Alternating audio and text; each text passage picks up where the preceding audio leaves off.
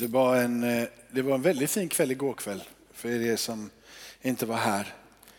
Ehm, det var väldigt mycket olika typer av människor, besök från lite eh, alla möjliga olika håll och kanter. Och det var väldigt roligt. En blandning. Fiket där nere var fullt och folk satt och käkade toast och, och skojade med varandra. Eh, så det, det får vi väl göra fler gånger. Tack alla ni som kämpade igår för att få till det. Jag såg Peter och Alma, ni står där nere, vilka det med var som gjorde toast. Eh, och så där. Det var härligt.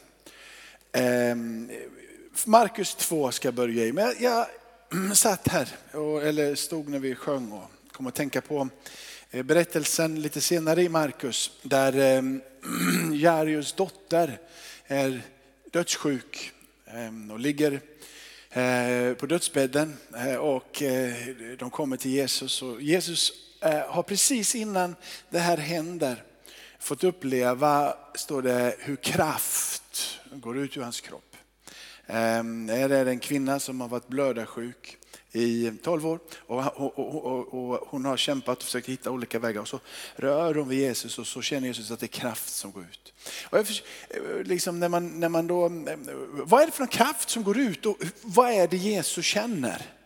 Är det, känner Jesus det som gjorde att eh, han skulle eh, ha den kraften att ge? Var det det han kände? Alltså var det möda han kände? Var det lidande han kände? Var det smärta han kände? Vad var det han kände när kraften gick ut ur honom? Vad var det som gjorde att han bar den kraften som hon kunde ta del av. Det var ju bara en inblick, en försmak av det som skulle komma senare fullt ut när han dör och han uppstår. Och allting idag finns öppet för oss. Ett andligt rike i hans namn, Guds rike som bryter fram. Men där och då, vad var det han kände? Var det just det? Smärtan som gick ur, det är någon. Är det mödan för att komma till den platsen? Lidandet? Är det redan där så känner han det som han långt senare på sin vandring här på jorden, några år senare, är i ett semane och säger, om det är möjligt Gud, låt den här kalken gå förbi mig. Den kalken som får representera hans dyra köpta blod för våran skull. Det här blodet som renar dig och mig från all synd. Den koppen, den är det möjligt för den att gå förbi så låt det gå förbi. Men är det inte möjligt så inte min vilja utan din vilja. Den lidandet, den smärtan, den mödan för att komma till den platsen då han har det att ge. Är det det han känner när den desperata kvinnan kommer och rör vid honom? Ibland så tänker vi, vad är det för kraft som strömmar ut? Vad känner Jesus när du tar emot ditt helande idag? Vad är det, vad, kommer han ihåg priset som han betalade på korset?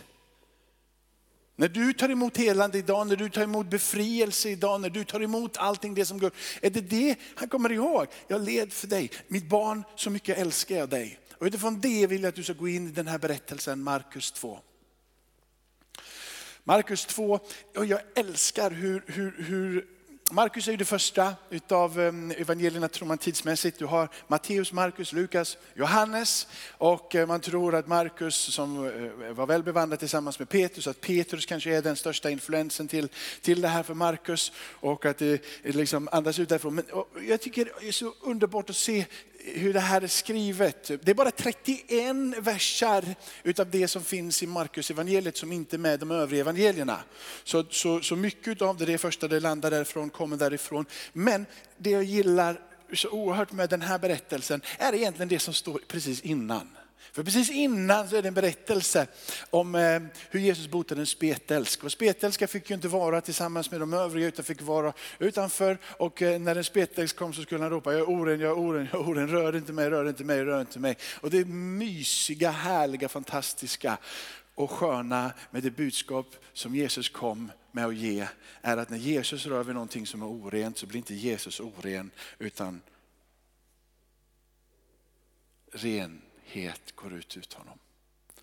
Den spetel skulle bli ren. Samma sak idag. Du är oren och du kommer till honom. Han blir inte oren för de synder och det du har i ditt liv. Du blir ren för att han kan ge det till dig. Så amen och det som är det härliga är att det var inte bara innan den här berättelsen, men efter den här berättelsen så finns det en lika fascinerande berättelse. Då är det nämligen så här att då går han hem till publikaner och syndare publikaner och syndare. Och publikaner och syndare var den andra gruppen som man helst inte rörde sig med. som farisé och laglärd och, och liksom sådär, vill du inte ha någonting med dem att göra överhuvudtaget. Du vill inte ens gå in i deras hus. Och, och i den här eh, eh, berättelsen efter här så går Jesus in och äter tillsammans med dem. Och Jesus säger att det är just för sådana som jag har kommit. Just för sådana som jag har kommit.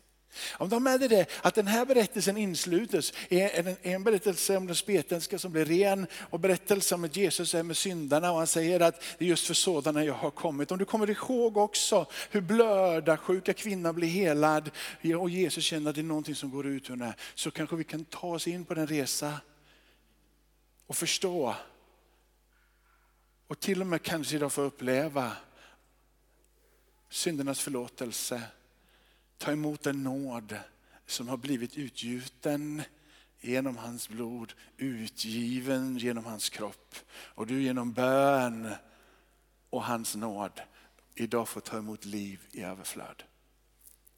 Några dagar senare så kom Jesus till Kafarnaum. När han fick höra att han var hemma samlades så många att de inte längre fick plats, inte ens utanför dörren. Och han förkunnade ordet för dem. Då kom han till honom med en eh, förlamad som bars av fyra män. När det för folkmassans skull inte kunde komma fram till honom, eh, komma fram med honom till Jesus, tog de bort taket över platsen där han var. Gjorde en öppning och så sänkte de ner bädden som den lame låg på. Jesus såg deras tro och sade till den lame, mitt barn, dina synder är förlåtna. Nu satt där några skriftlärda och de tänkte i sina hjärtan. Varför talar han så? Han härdar. Vem kan förlåta synder utom Gud? Jesus förstod genast i sin ande att de tänkte så inom sig. Och han sa det till dem, varför tänker ni så i era hjärtan? Vad är lättast? Att säga till den lame, dina synder är förlåtna, eller att säga res dig, ta din bädd och gå. Men för att ni ska veta att Människosonen har makt på jorden att förlåta synder säger jag dig. Och nu talade han till den lame, res dig, ta din bädd och gå hem. Då reste mannen sig upp och genast tog han sin bädd och gick, gick ut inför ögonen på dem alla och alla blev utom sig av häpnad, prisade Gud och sade, vi har aldrig sett något liknande. Amen. Guds rike bryter fram i varenda liten del av det som Jesus gör. Men man kanske glömmer av när man ser det här att det här är de stora nyheterna, de gigantiska nyheterna, det glada budskapet som, som, som Andrew talar om. Det är underbara nyheter. Men dessa nyheter blir förmedlade genom hans eget liv, så som jag sa inledningsvis, av mörda, utav smärta, av lidande. Jag skulle vilja säga en kamp för att rädda oss ifrån det onda. En kamp för att du ska kunna få ta emot det som bara han kan ge. Tro. Inte tro som du ska fånga och tro som du ska bära. Utan att du ska få ta emot tro som kan få bära dig. Det är stor skillnad att bli buren av sin tro och försöka erövra en tro som sen ska du leva i av. Men om du har en tro som bär dig, om du får vara tron som får leda dig, om det är tron på en Gud, den objektiva verkligheten om vem Gud verkligen är, om det är det som får bära dig, så har du någonting som bär. Annat än att det är du som bär din tro. Det var det han kom för att kunna ge dig och förmedla det. Kampen för Jesus hela vägen, det var en kamp som kostade honom livet. Han stred mot allt, mot allt som stod Gud emot. Han stred emot synden. Han stred emot döden själv. Han stred mot den onde själv. Han stred emot otron. Han stred emot egoismen. Han stred emot allting som ville resa upp sig i ordlydnad emot Gud.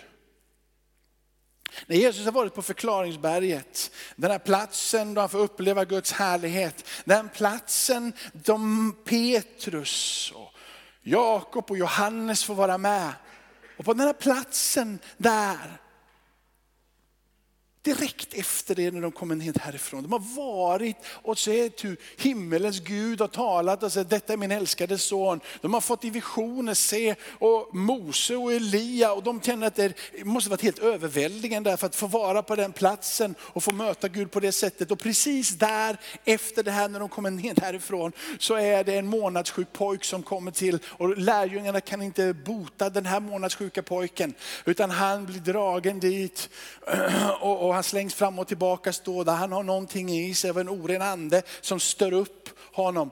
Mitt där så suckar Jesus framför lärjungarna som har varit på förklaringsberget och sett Guds härlighet.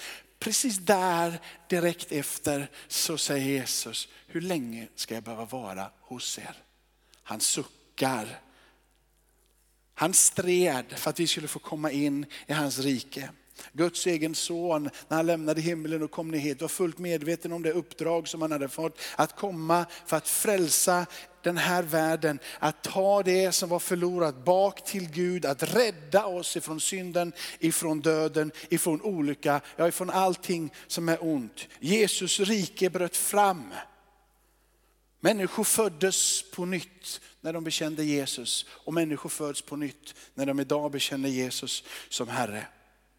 Varje liten berättelse som sker är en inblick, då som nu, men tillsammans med lärjungarna då. Varje gång någonting hände så var det en inblick i den verklighet som sen skulle komma och bli fullständig när Jesus dör på korset och uppstår ifrån de döda. En inblick, en förståelse, en försmak eller en föraning om vad som skulle komma senare.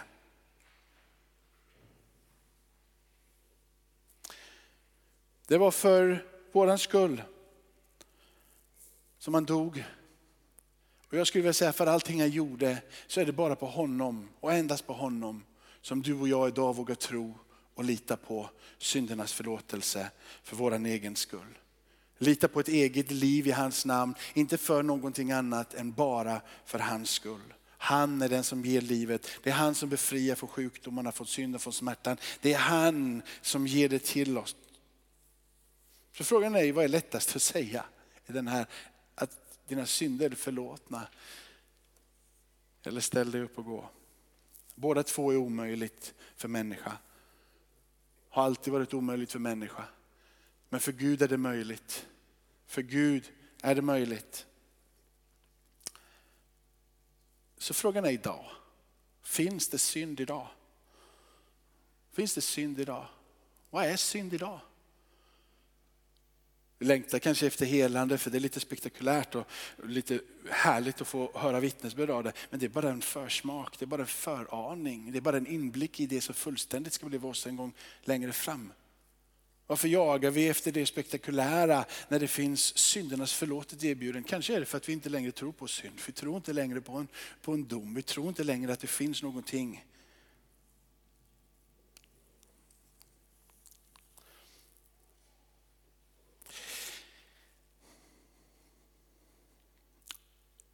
Är det så att vi kanske inte accepterar synden och syndens konsekvens? Är det svårt för mig och dig att kalla synd synd när Gud säger att synd finns? Idag så passar det mycket bättre att få säga till var och en av oss här inne och ute i världen att var och en får välja sin egen väg. Hur är det möjligt? Hur är det möjligt att säga, ja, men Jesus är rätt för mig, men det är inte säkert att Jesus är rätt för dig. Det är helt omöjligt att ha en sån konversation. För antingen så är Jesus den han säger vem han är och då är han det för alla. Då är han verkligen Jesus Kristus, Guds son för alla. Eller är han inte det för dig heller? Hur ska jag med kunna säga att Jesus är Guds son, jag tror på honom, men om inte det är det för dig så är det helt okej okay att du väljer en annan väg. Det kan inte vara så. Antingen är han vad han säger att han är och då måste du och jag bekänna oss till honom och locka människor att komma till dit. Säga att de får tro vad de vill. Det är upp till dem, va? eller hur? Men vi måste säga att det finns ingen egen väg att finna. Det finns bara han att finna. Guds bud, det Gud säger är synd, är det bara ångestframkallande idag så vi vågar inte nämna det vid namn. För det är bara ångestframkallande, det skapar bara lite oro, jag vet inte vad jag är på väg. Så jag väljer att plocka bort att jag vill inte prata om det som Gud säger är inte bra för mig. För att om jag pratar om det så skapar det bara ångest och oro så jag väljer bort det. En del kanske påstår till och med att Guds bud är omoderna och vi måste faktiskt lämna bort dem någonstans i historiens skräpkorg. Vi lämnar det där för det tillhör inte den här tiden, det var någonting som var. Och det enda det gör med det är att det skapar förvirring och oro. Kanske är det till och med att vi har kommit förbi till den stadiet också. Så vi till och med säger idag att det finns någonting som är bättre. Det finns någonting som är ännu bättre. Det finns ett liv där du kan få självförverkliga dig själv. Ett liv där ingenting kallas för synd och ingenting är rätt eller fel.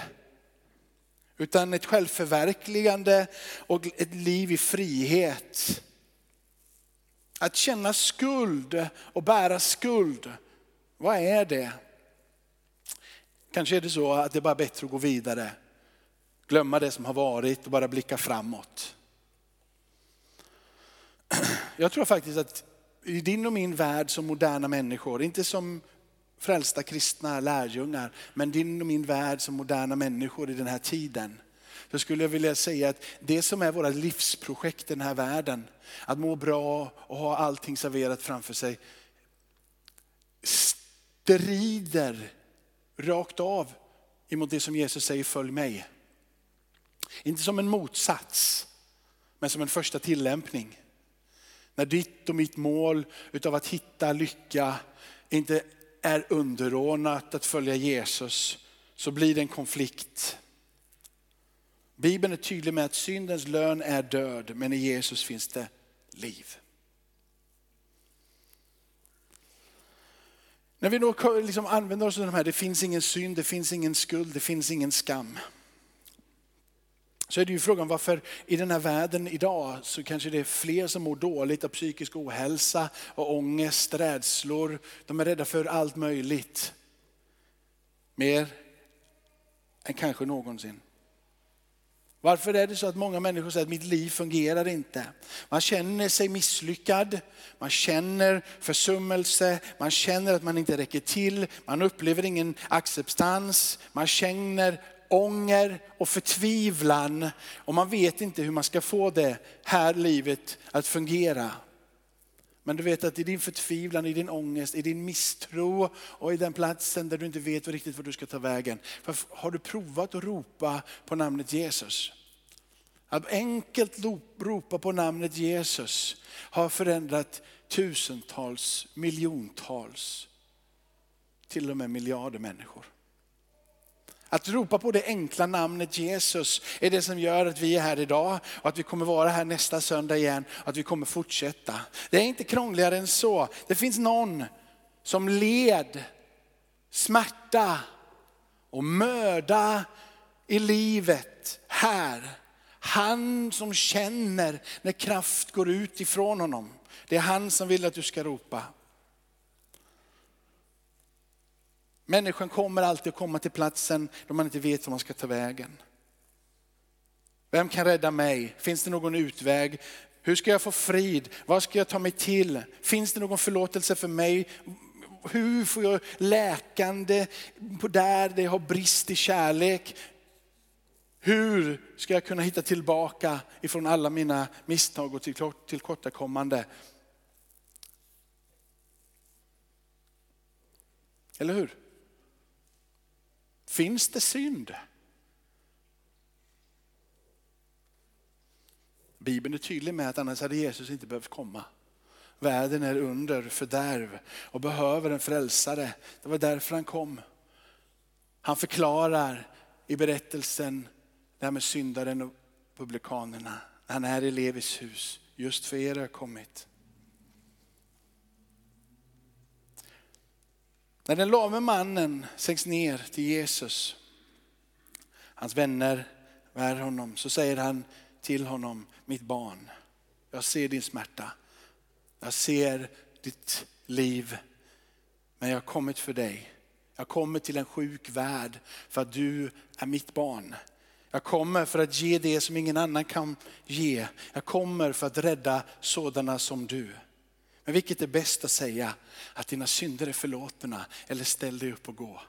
Men för att ni ska veta att det är jag som kommer och ger er en plats bredvid min fader i himmelen så säger jag till dig, du är mitt älskade barn, synderna är förlåtna. Den lame fick allt på en och samma gång. Han fick syndernas förlåtelse, han fick styrka i benen som var darrande. Jag tror vi behöver en Gud mer än någonsin i den här tiden. Jag tror vi behöver Jesus mer än någonsin. Jag tror att vi alla behöver ropa mer än vad vi någonsin har gjort.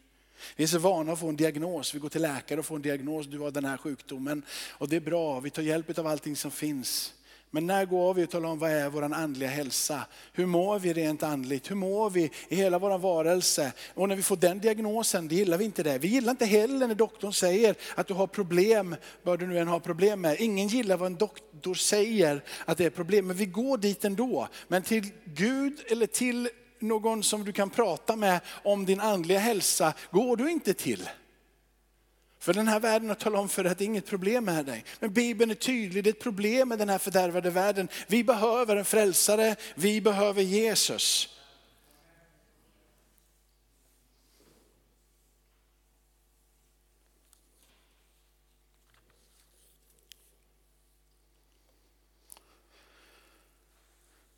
Vi vet själva hur svårt det är att förlåta varandra, eller hur? Och vi vet hur svårt det är när vi ser någon som lider i sjukdom. Vi får empati, vi får medlidande och vi tycker det är jobbigt. Det är inte lätt att bara förlåta, det är inte lätt att bara gå vidare i de där sakerna. Försoningen är nog bland det svåraste som finns. Att se någon som, i min familj som jag sagt flera gånger, finns det ganska mycket sjukdom. Och liksom, att se det, svårt.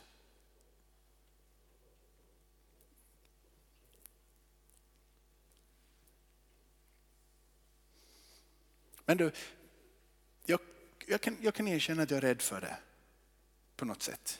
Så jag är rädd för försoning för det kostar något. Jag är rädd för att förlåta för det kommer kosta något. Jag är rädd för sjukdomar för jag vet att det kommer kosta något av känslomässigt. Men, men frågan är, är det rätt att fly därifrån? Är det lätt att bara springa iväg ifrån den här rädslan? Och gömma den som om den inte finns. Lämna den borta någonstans och bara säga, den existerar inte. Det kan aldrig vara rätt. Hur tar vi tag i det? Hur får vi kraften att gå vidare? Jesus vet bättre än någon annan vad det kostar att möta en människas lidande. Jesus vet mer om vad det innebär att lida och känna smärta för att någon ska kunna ta emot förlåtelse. Jesus vet mer om vad det är att gå igenom nöd och möda för att kunna bringa försoning. Jesus stod fast i kampen emot det onda. Jesus stod fast i kampen för att du och jag skulle kunna ta emot det som inte någon annan kunde ge. Och Jesus sträcker ut sin hand idag till alla människor över hela den här jorden. Han behöver dig och mig för att tala om det klart och tydligt. Att det finns försoning med Gud. Att det finns en förlåtelse, en försoning som vill verka ut och in i mänskligheten. Så att synden och skulden inte kan hålla grepp om mänskligheten. Det finns någonting som utgår endast från namnet Jesus. Som bringar kraften tillbaka till mänskligheten. Så att den kaos som råder inte behöver råda. Det är vad Bibeln säger. Den kraften, den vill jag ha i min familj. Den kraften vill jag ska råda i, i vår församling. Den kraften vill jag ska finnas där. Där det finns någonting. Någon som vet vad det innebär att bringa försoning. Någon som vet vad det innebär av kostnad för att komma med det allra dyrbaraste. Någon som vet vad det innebär, har känt det, upplevt det, redo att stå där, kämpa för din och min skull. Den vill jag ska bringa försoning i mitt liv, läkedom i mitt liv, upprättelse i mitt liv. Varje gång som Gud gör någonting så är det en försmak, en inblick i det fullständiga som finns att erfara och ta emot. Han var tvungen att komma för vi ville vandra vår egen väg. Han var tvungen för att komma för att hela skapelsen var i fullständig förvirring och i kaos. Och han bävade för att göra det. Han kämpade för att göra det. Det var ingen lätt kamp. Så när du kommer till Jesus och säger jag vill ta emot helande eller ta emot förlåtelse. Så var det dyrköpt för honom. Det var inte glattigt enkelt. Det var liksom ingen gräddfil rakt igenom livet när du ropar till honom så ropar du till han smärtornas man. Du ropar till han som hängde på ett kors. Du ropar till han som lämnade hela himlen för att anta en tjänares gestalt, vandra här på jorden. Du kommer till den mannen som blev slagen för din och min skull, som led för din och min skull. En ärorik seger genom uppståndelsen från de döda. Men han var smärtornas man, det är han du kommer till.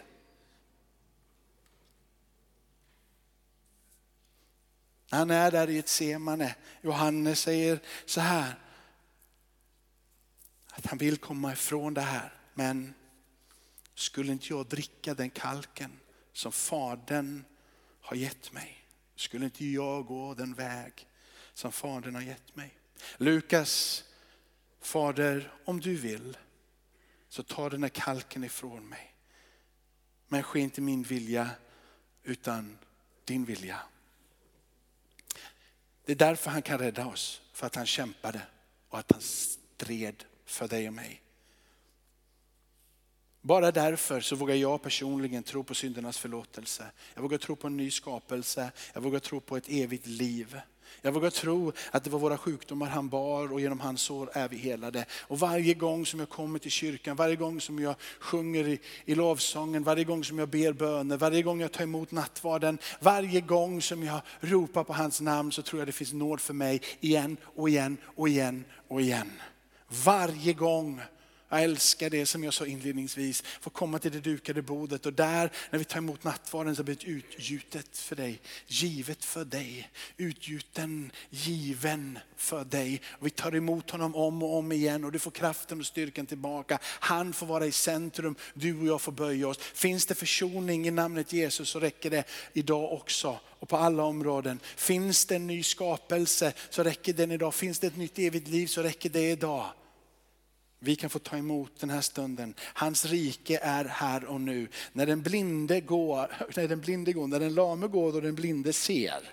Då vet vi att Gud är färdig, men bara som en försmak av det som han verkligen vill ge. Ett evigt liv tillsammans. Ondskans alla yttringar, yttre plågor ska vara fullständigt borta. Helt nytt liv ska stiga in. Vi tillsammans med alla de heliga ska få röra vid Jesus själv och jubla tillsammans med honom. Han vann en seger. En dag ska vi inte vandra i tro utan vi ska få vandra i åskådning. Den tron vill bära dig. Den tron behöver inte du bära. Eller hur? Den tron är inte till för att plocka till dig och säga nu ska jag ha lite tro en liten stund här och sen ska den försvinna efter ett litet tag. Den tron ska bära dig när livet skrattar dig i ansiktet. Den tron ska bära dig när du får vara med om att ditt första barn kommer till världen. Den här tron ska bära dig i alla skepnader. Det är tron som bär dig. Du kan aldrig fånga tro och ta det och så sker någonting. Men tro på Gud så ber du honom om allt och du kan i hans nåd få ta emot helande, upprättelse, fri befrielse. Är med? Hur ofta försöker inte vi tro när det är tron som ska bära? Är det inte dags för oss att bekänna oss till det som Bibeln säger ska vara våran tro och låta det få vara våra nycklar i livet, det som bär oss och tar oss igenom.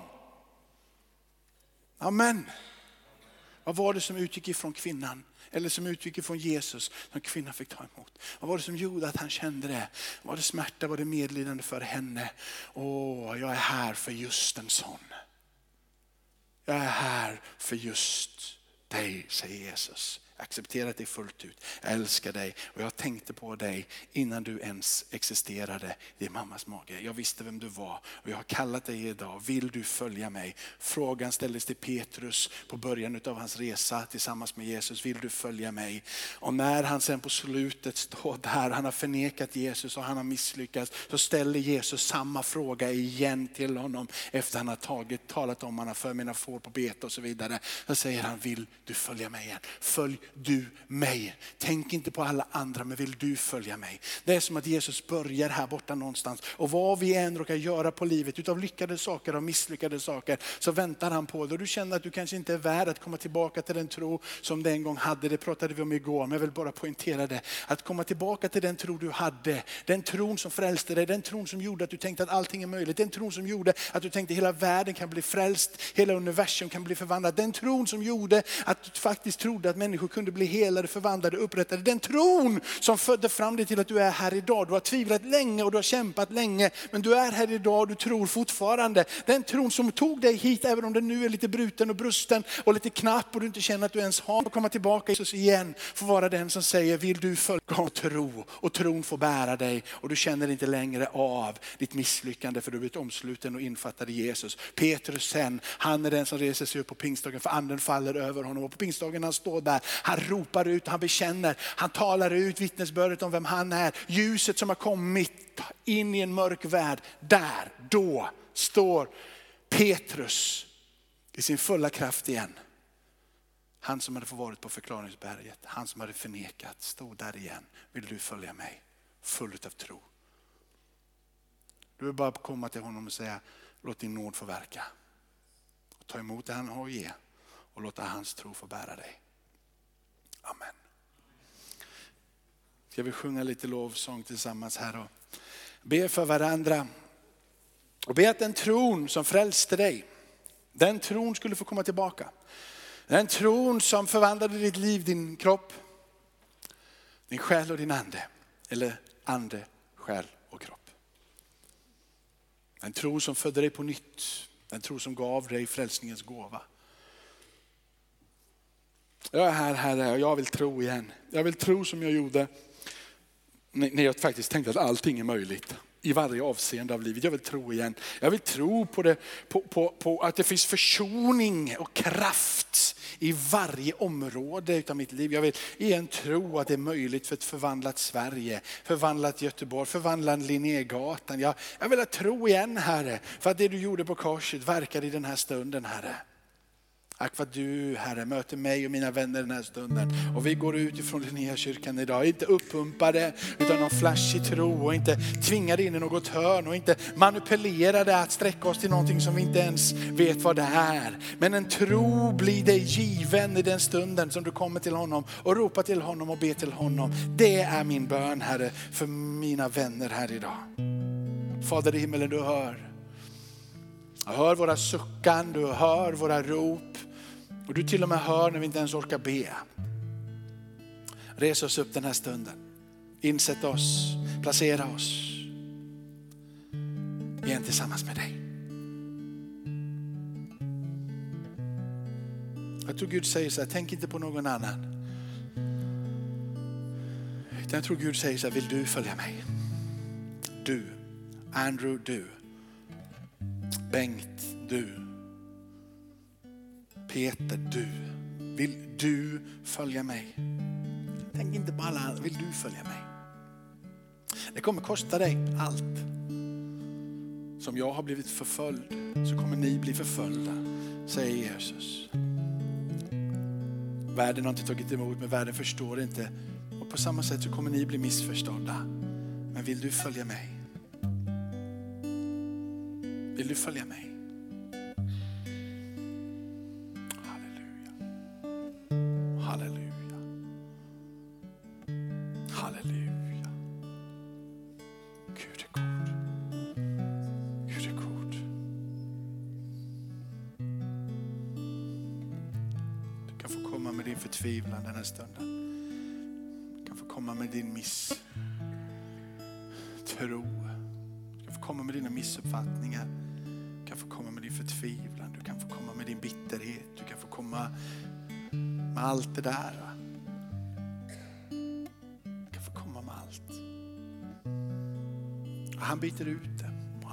Och någon